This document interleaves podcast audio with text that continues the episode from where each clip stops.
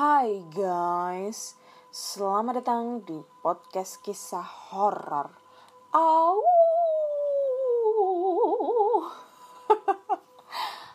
Gimana ya enaknya kalau bikin uh, maskotnya? Uh, Hai guys, selamat datang di podcast kisah horor. Ar, nggak enak. Hai guys, selamat datang di podcast kisah horor. Au.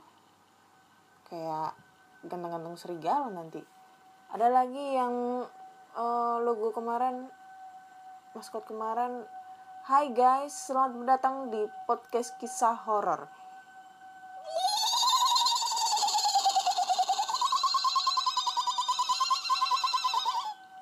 Dah, segitu aja. Oke, menurut kalian yang ba yang bagus yang mana ya? Aduh, stres.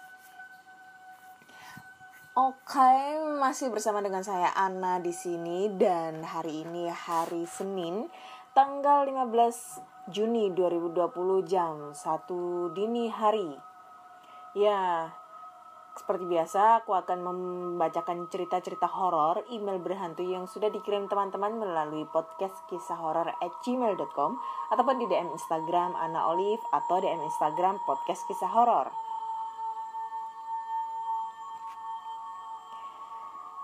Dan kali ini tuh aku baru pulang ya ini, baru pulang dari bikin konten ya seperti yang aku posting kemarin di di Instagram podcast kisah horor ataupun di di podcast kemarin, episode kemarin. Hah, ntar dulu, ambil nafas. Jadi aku baru pulang bikin konten di bangunan terbengkalai yang kemarin sempat aku mau bikin konten ke sana tapi gak jadi baru seperempat jalan karena adanya kendala teknis di bagian pengambilan video alatnya ya karena HP lagi lowbat banget terus kemarin banyak banget. Aku kan ngajak temen dan teman ini Indigo, Indihome kayak gitulah terus katanya dia ngeliat kuntilanak yang lagi ngegandolin di belakang punggungku yang membuat aku ah udahlah. Terusku entar-entar aja lah bikin videonya. Karena jujur ya aku tuh kalau bikin video itu lebih senang solo explore.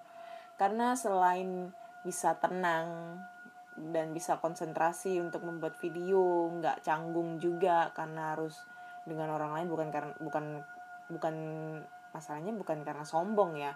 Tapi aku orangnya ini pemalu.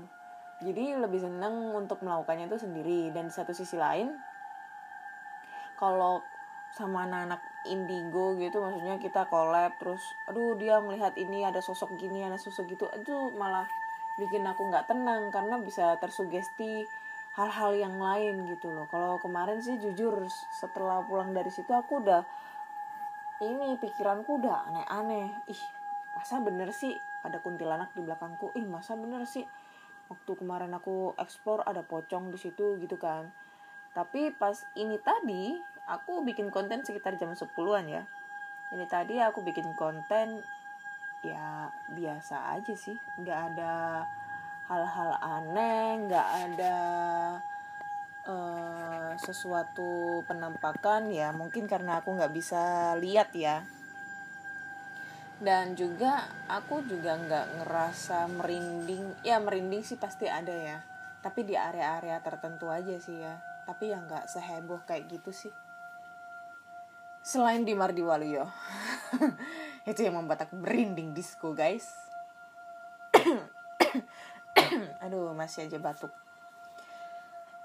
Oke, terima kasih buat teman-teman semua yang sudah setia banget ngedengerin podcast kisah horor ya. Nggak tahu menurut kalian nih podcast ini enak nggak buat didengerin aku juga nggak tahu. Tapi ya ya sebenarnya ya apa ya belibet kalau ngomong ya sebelumnya aku juga terima kasih udah teman-teman udah selalu ngedukung selalu mensupport supaya aku jauh lebih baik eh jauh lebih baik ya supaya podcastku jauh lebih baik lagi gitu.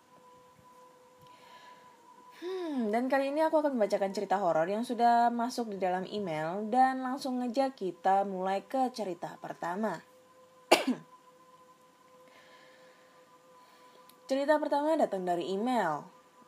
ini datangnya dari Andi lagi, Mas Andi lagi. Kalian ingat kan Mas Andi yang sebelumnya pernah mengirimkan dua cerita yang ceritanya itu tentang pengalaman horor di rumah neneknya. Dan kali ini cerita ketiga eh dan kali ini dia mengirimkan cerita lagi, cerita ketiga ya. Langsung aja kita bacakan ceritanya. Dear Mbak Ana, Lanjut lagi ya ceritanya. Maaf, mungkin akan agak panjang. Hmm, nggak apa-apa, nggak apa-apa. Aku lebih suka cerita yang panjang nih. Panggil aja tetap dengan nama Andi ya, Kak Ana. Oke. Cerita kali ini kita maju lagi satu tahun. Lokasi masih di rumah nenek saya di Subang. Saat itu saya sudah kelas 1 SMP. Seperti biasa saat liburan saya ke tempat nenek. Kali ini lengkap dengan keluarga besar saya.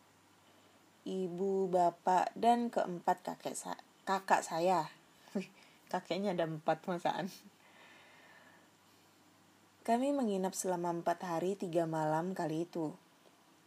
Nah, mungkin masih ingat bagian belakang rumah nenek ada kebun yang sangat luas. Saya gambarkan dulu demografinya biar kebayang. Kebun di pagi tiga. Paling depan ada saung untuk tukang kebun beristirahat.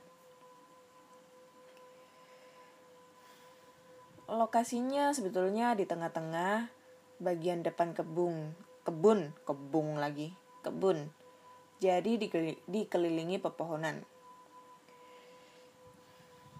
Varian vegetasinya adalah rambutan, pepaya, kelapa, dan nangka.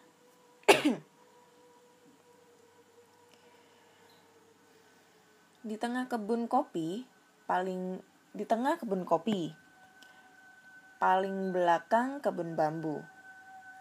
FBI, kami paling dilarang oleh nenek ke bagian paling belakang kebun bambu. Khawatir kalau ada ular katanya. Dan memang banyak ular berbisa di kebun. Oke, malam kedua kami berlima. Saya dan kakak-kakak saya main-main di kebun nenek. Biasalah, kita bakar-bakar ayam dan ikan sambil ngeliwat di saung kebun. Kami makan-makan dengan nikmat sambil ngobrol-ngobrol di sana. Apa sih yang lebih sering diobrolin di waktu kumpul rame-rame kayak gitu, selain cerita seram? Nah, kita cerita-cerita seram deh. Dengan nik, uh, mana tadi? Oh ini. Mana tadi? Oh ini. Termasuk juga saya ceritakan lagi kejadian-kejadian yang saya alami di rumah nenek sebelum-sebelumnya. Nah semua kasih cerita.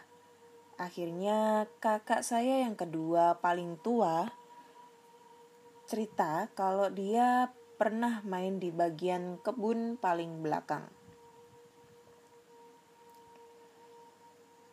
Dia cerita di bagian belakang itu selain penuh dengan tanaman bambu, di situ ada sebuah kuburan yang katanya cerita tukang kebun adalah kuburan seorang jawara lokal waktu zaman penjajahan Jepang. Terus terang, saya belum pernah lihat karena memang sampai hari ini pun saya belum pernah masuk ke wilayah itu. Nah, kakak melanjutkan. Waktu dia main ke bagian belakang itu, dia memang lihat kuburannya. Tapi keburu kepergok sama tukang kebun.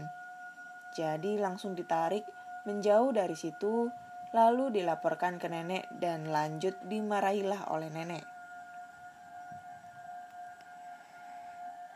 Nah, lagi asik-asik kita saling dengar cerita, tiba-tiba pohon-pohon sekitar kita kayak ditiup angin kencang sampai berisik banget. Anehnya nggak ada angin waktu itu. Soalnya api panggangan kita sama sekali nggak goyang. Hanya pohon-pohon saja yang goyang. Kita semua diam dan cuma lihat-lihatan. Feelingku sih kita semua sadar ada yang ganjil dan pasti kita semua takut. Setelah pohon-pohon geraknya sudah mulai melambat, lalu ada suara seperti orang-orang yang berbisik berbisik di sekeliling kita. Kayak orang banyak lagi bicara, tapi saling berbisik. Kita tetap diam di tempat sambil celingak-celinguk. Nggak lama dari situ ada suara cekikikan, tapi ramai banget. Dan posisinya seperti kita dikepung sama suara itu. Suara cekik cekikikannya itu bukan seperti suara kuntilanak di film-film. Lebih ke suara terkekeh-kekeh, tapi multiply, multiply. Laki-laki dan perempuan suaranya. Jadi gabung jadi satu ya. Tenaga dan keberanian sudah terkumpul. Kita sudah ancang-ancang lari masuk ke dalam. Di jalan menuju pintu masuk, kita berlima melihat seperti ada kerumunan orang menghalangi jalan lari kita. Bentuknya ukuran manusia normal, bergerombol, tapi kelihatan cuma siluet aja. Karena memang cahaya yang tersedia cuman bohlam kuning 5 watt yang ada di saung dan api unggun bekas bakar-bakar ikan. Jadi nggak jelas kami bingung mau lari gimana. Gak lama dari situ, bapak keluar dengan santainya, bawa senter dari pintu. Mungkin niatnya mau lihat anak-anaknya.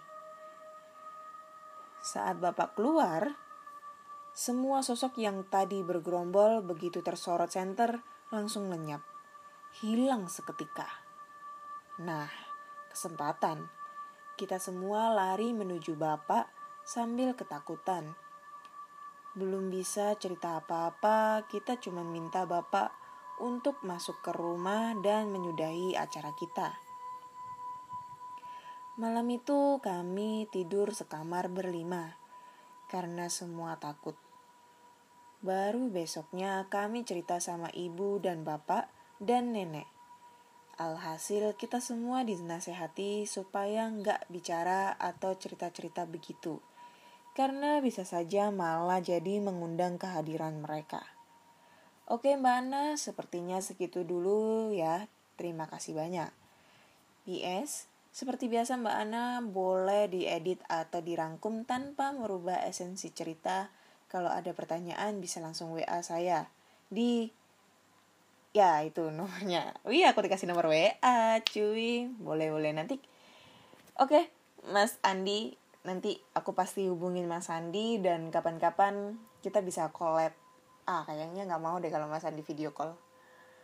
Hmm, kalau misalnya aku ke Bandung kayak ke tempatnya Mas Andi bolehlah aku explore di lokasi-lokasi tempatnya Mas Andi ya Oke, terima kasih ya Mas Andi buat ceritanya. Ih, emang ini sih bener sih ya, bener banget.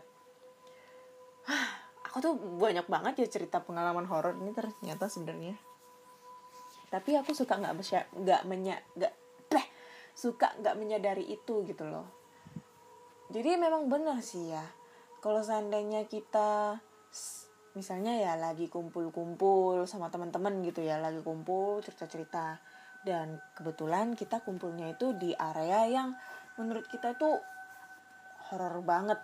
Ya contoh kayak kebun hotel yang mungkin pernah terjadi sesu, apa ya di hotel tersebut pernah terjadi sesuatu di rumah sakit atau di mana lah terserah kalian lah. Pokoknya di di area-area yang memungkinkan ada si itunya. Tapi memang sih ya setiap bangunan itu walaupun di rumah kita sendiri itu pasti ada penunggunya. Tapi tergantung dari ini ya dari auranya. Misalnya kalau di rumah yang kita tempatin ini auranya positif yang meng, yang menghuni di rumah ini juga tetap ikut positif tapi kalau udah rumahnya ini auranya negatif terus yang ada di rumah tersebut yang menunggu rumah tersebut juga ikut-ikutan negatif. Dan biasanya sih ya kalau kita sering-sering cerita di tempat horor di tempat angker ataupun di mana pun itu berada pasti itu bakal mengundang mereka. Karena tuh biasanya tuh mereka tuh kayak nimbrung gitu deh. Contoh kalau kalian cerita tentang kuntilanak gitu ya. Pasti nanti ada ada hawa-hawa nggak enak gitu pas kita cerita itu. Karena apa? Karena yang kalian ceritain itu dateng. Secara itu kalian nyeritain nyeritain dia dan akhirnya dia ikut nimbrung. Terus kalau dia ngasih aura gitu entah itu ada suara benda jatuh atau apa ya dia kayak ngasih petunjuk hello aku ada di sini gitu loh. Aku aku yang kamu omongin gitu. Beneran kalau kalian nggak percaya coba deh. Kalian coba cerita-cerita horor di tempat angker. Rasakan esensi ceritanya kayak gimana ya. Esensi di ruangan tersebut itu kayak gimana. Beneran. Gue nggak pernah bohong. Karena aku pernah pernah ngalamin kayak gini juga sama temen-temen gitu loh. Tapi yang ngerasain itu temen bukan aku. Waktu itu dia di dimimpiin gitu loh. Cuma aku lupa ya ceritanya itu udah lama banget udah puluhan tahun. Dan itu lokasinya ada di kos di kos temanku dulu kan waktu masih waktu masih sekolah di Kediri itu. Hmm oke nanti aku save ya nomornya ya. Ini nomor apa ya? Ini bukan nomor HP ya. Nomor fax kali ya. Nggak tahu deh. Ya nggak apa-apa. Nanti aku WA ya Mas Andi ya. Terima kasih ceritanya. Next kita langsung uh, ke cerita berikutnya. Ntar dulu ini kok error. Nah ke cerita berikutnya sambil nunggu ini ya. Laptopku agak error. Mungkin aku sambil cerita ya kemarin banyak banget yang protes di ada di konten YouTube sama di DM karena kalau misalnya bikin cerita cerita yang di podcast ataupun di YouTube jangan yang agak serius dikit ngebacainnya supaya esensi horornya dapet. Ya. Ya mungkin aku kurang kurang bisa serius ya. Ya mohon maaf nanti pasti aku perbaiki lagi. Cuma emang aku orangnya gitu ya. Suka ngebanyol. Jadi kebawa kebawa aja sih ngebanyolnya. Tapi next aku akan belajar untuk jauh lebih serius dalam bercerita Oke, kita lanjut aja ke cerita berikutnya. Cerita kedua datang dari email yang tidak mau disebutkan namanya sih. Halo podcast kisah horor. Langsung aja kita ke ceritanya. Cerita dimulai waktu zaman aku masih SD ya sekitar kelas 4 sampai 5, aku agak lupa. Sekarang udah 29 tahun. Masih jomblo pula. Hmm, sama, aku juga masih jomblo. Ini cewek apa cowok sih? Umurku juga, juga 29 tahun nih. Jomblo. Ala promosi.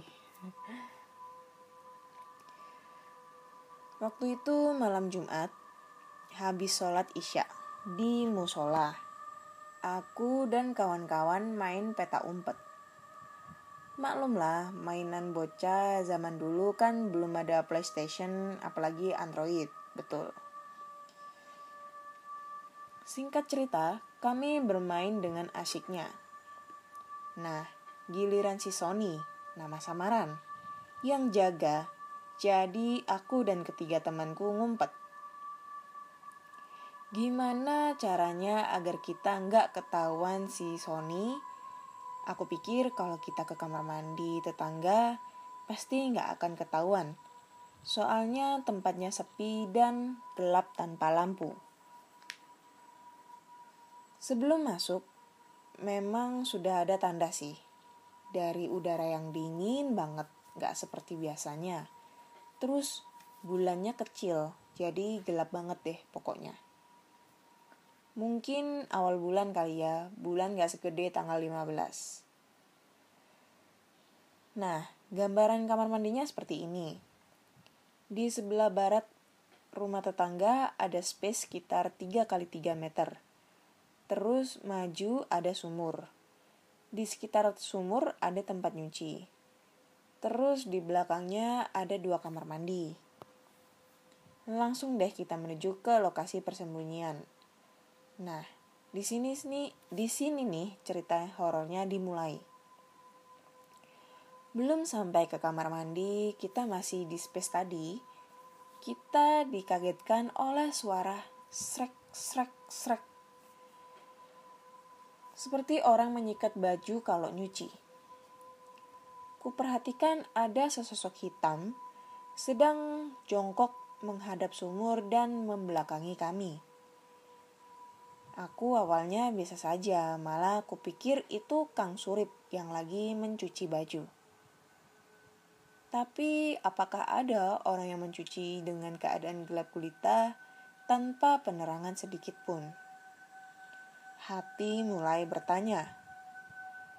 Ku beranikan diri maju untuk memperjelas sosok itu, walaupun sebenarnya takut juga. Kang Surip, itu kamu ya? Dia nggak ngejawab.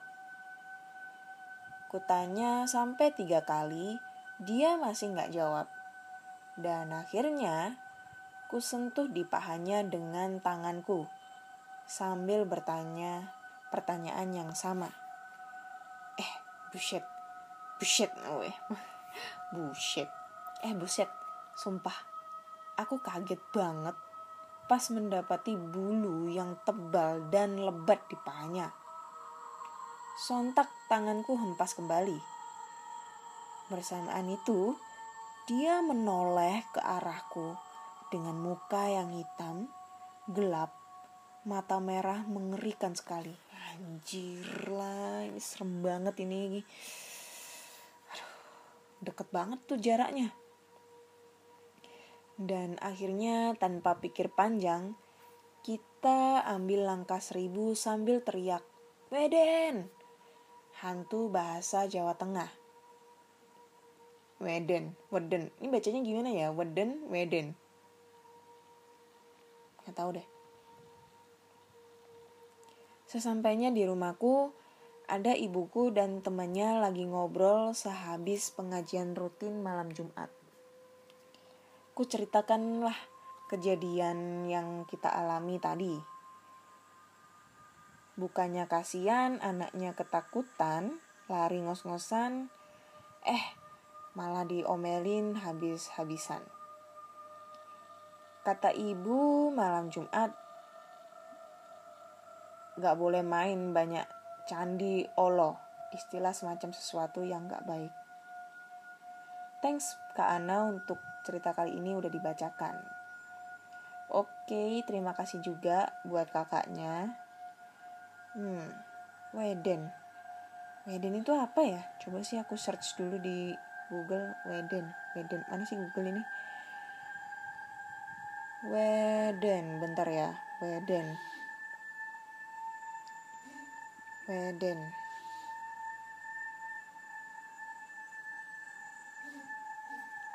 adanya wedang jahe malahan. Weden setan Weden. Kok nggak ada sih? Setan Weden. Weden. Kalau Weden itu takut wedi. Ini adanya wedon bukan Weden. Ntar dulu ya aku lihat dulu. Bukan ini ini wedon malah pocong. Apa sih weden itu?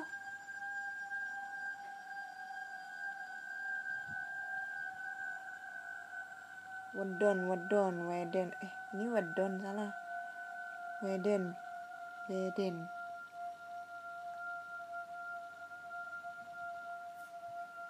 ya aku nggak tahu ya ini weden itu apa. Mungkin kayak kalau dari gambaran Gambaran ceritanya berbulu hitam lebat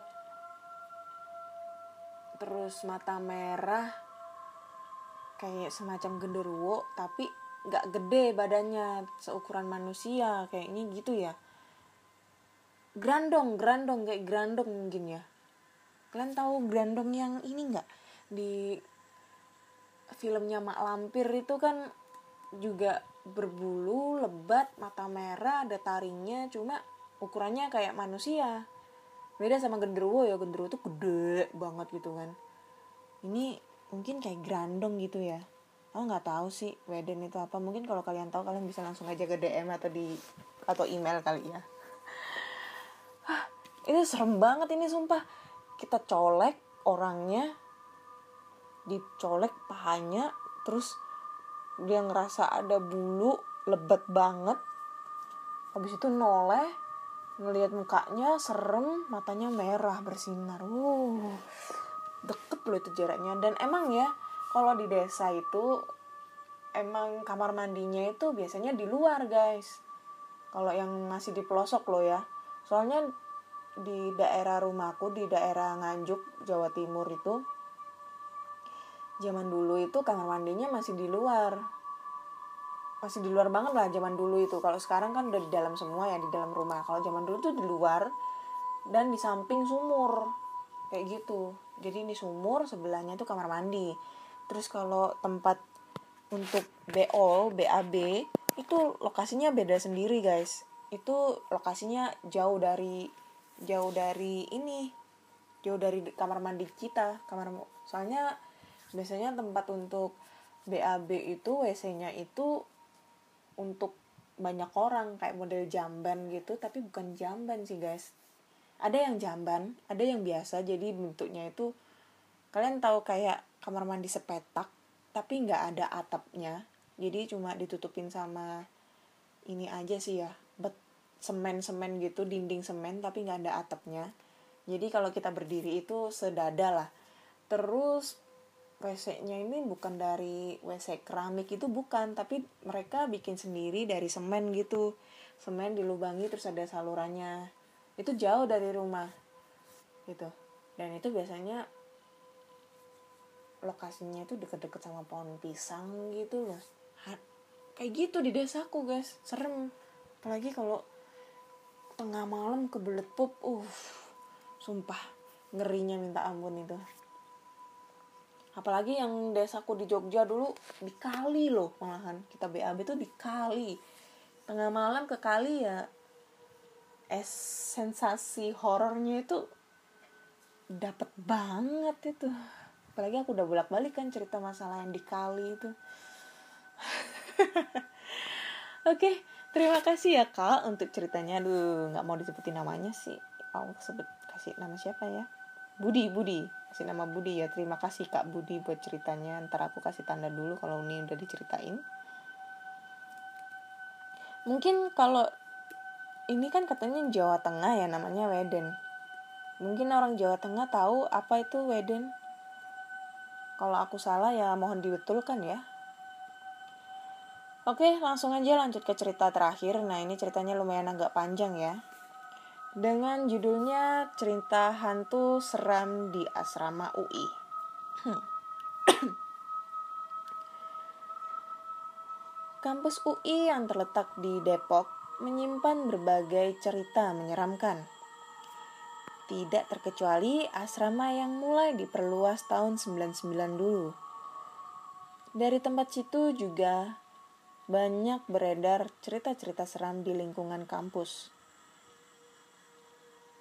Nah, cerita ini diambil dari salah satu mahasiswi UI yang bernama Zeni, yang pernah tinggal di asrama tersebut. Berikut ini merupakan kisahnya yang dituturkan langsung. Jadi dia kayak interview temennya ya. Saya sempat tinggal di blok C, lantai 3, kamar nomor 20. Menurut anak-anak di UI, Blok C lantai 1 merupakan tempat paling angker. Tetapi saya tidak terlalu ambil pusing. Sekedar info, Blok C hanya diperuntukkan mahasiswi saja. Saat itu merupakan tahun pertama perkuliahan saya.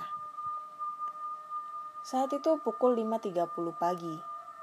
Saya baru kembali ke kamar namun ada yang aneh dengan kasur saya. Sepertinya ada bercak basah yang cukup besar di kasur. Saya cek ke sana kemari, tidak menemukan tanda-tanda yang tanda-tanda ada yang bocor atau air yang merembes. Jadi, bagaimana kasur saya bisa basah? Itu masih misterius. Dan entah saya berpikir terlalu banyak atau tidak, bentuk noda basahnya seperti pocong. Tidak mampu menenangkan diri, saya pun meminta petugas asrama minta mengecek kamar saya. Mereka pun tidak berhasil menemukan penyebab adanya noda basah di kasur saya. Lagi pula, dikarenakan bekas noda ini tidak hilang-hilang, akhirnya saya minta pindah dari kamar itu. Semenjak saya pindah ke kamar lain, kamar 20 pun digembok. Saya menduga, saya menduga sebenarnya mereka mengetahui ada sesuatu yang tidak beres. Belakangan saya mendengar cerita dari teman lain mengenai kamar 20 ini.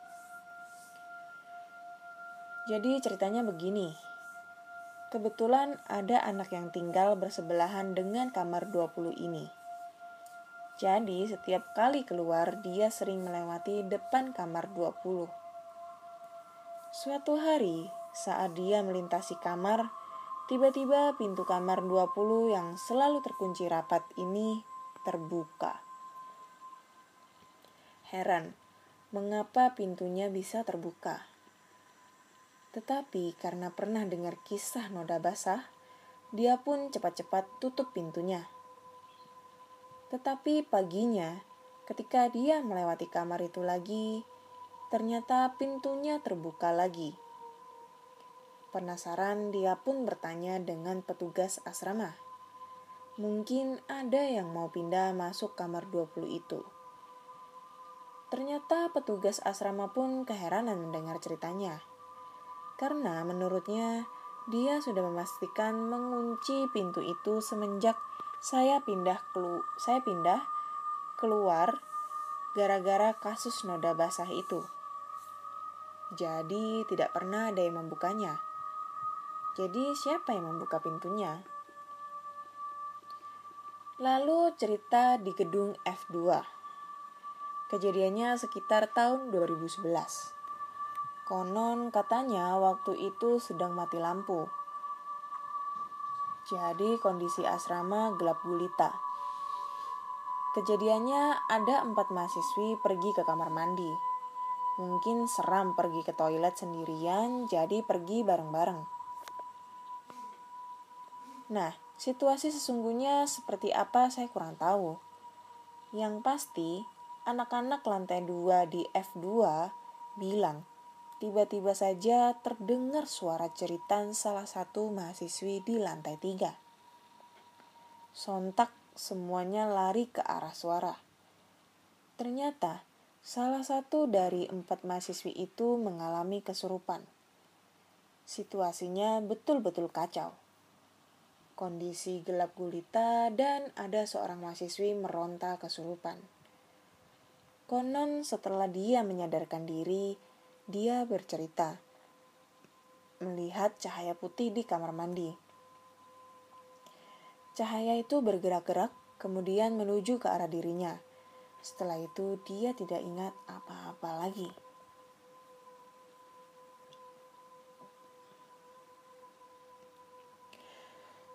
Kampus UI ya, aku tuh udah sering denger ya dari cerita-cerita di YouTube, dari cerita-cerita podcast tentang keangkeran kampus UI ini. Dan katanya sih emang horor gitu ya. Kampus UI ini aku juga nggak tahu ya aku nggak pernah ke sana dan aku nggak kuliah di sana.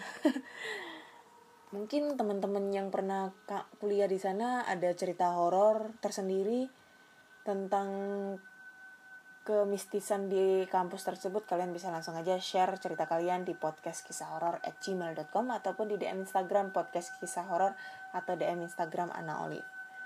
Dan bolak-balik yang pernah aku ngomongin emang ya lokasi kampus itu yang sangat serem. Apalagi katanya UI itu besar banget luas banget. Kalau aku bisa bayangin sih luasnya kayak di ITS ya. Kalau di Surabaya itu di ITS itu luas banget ya.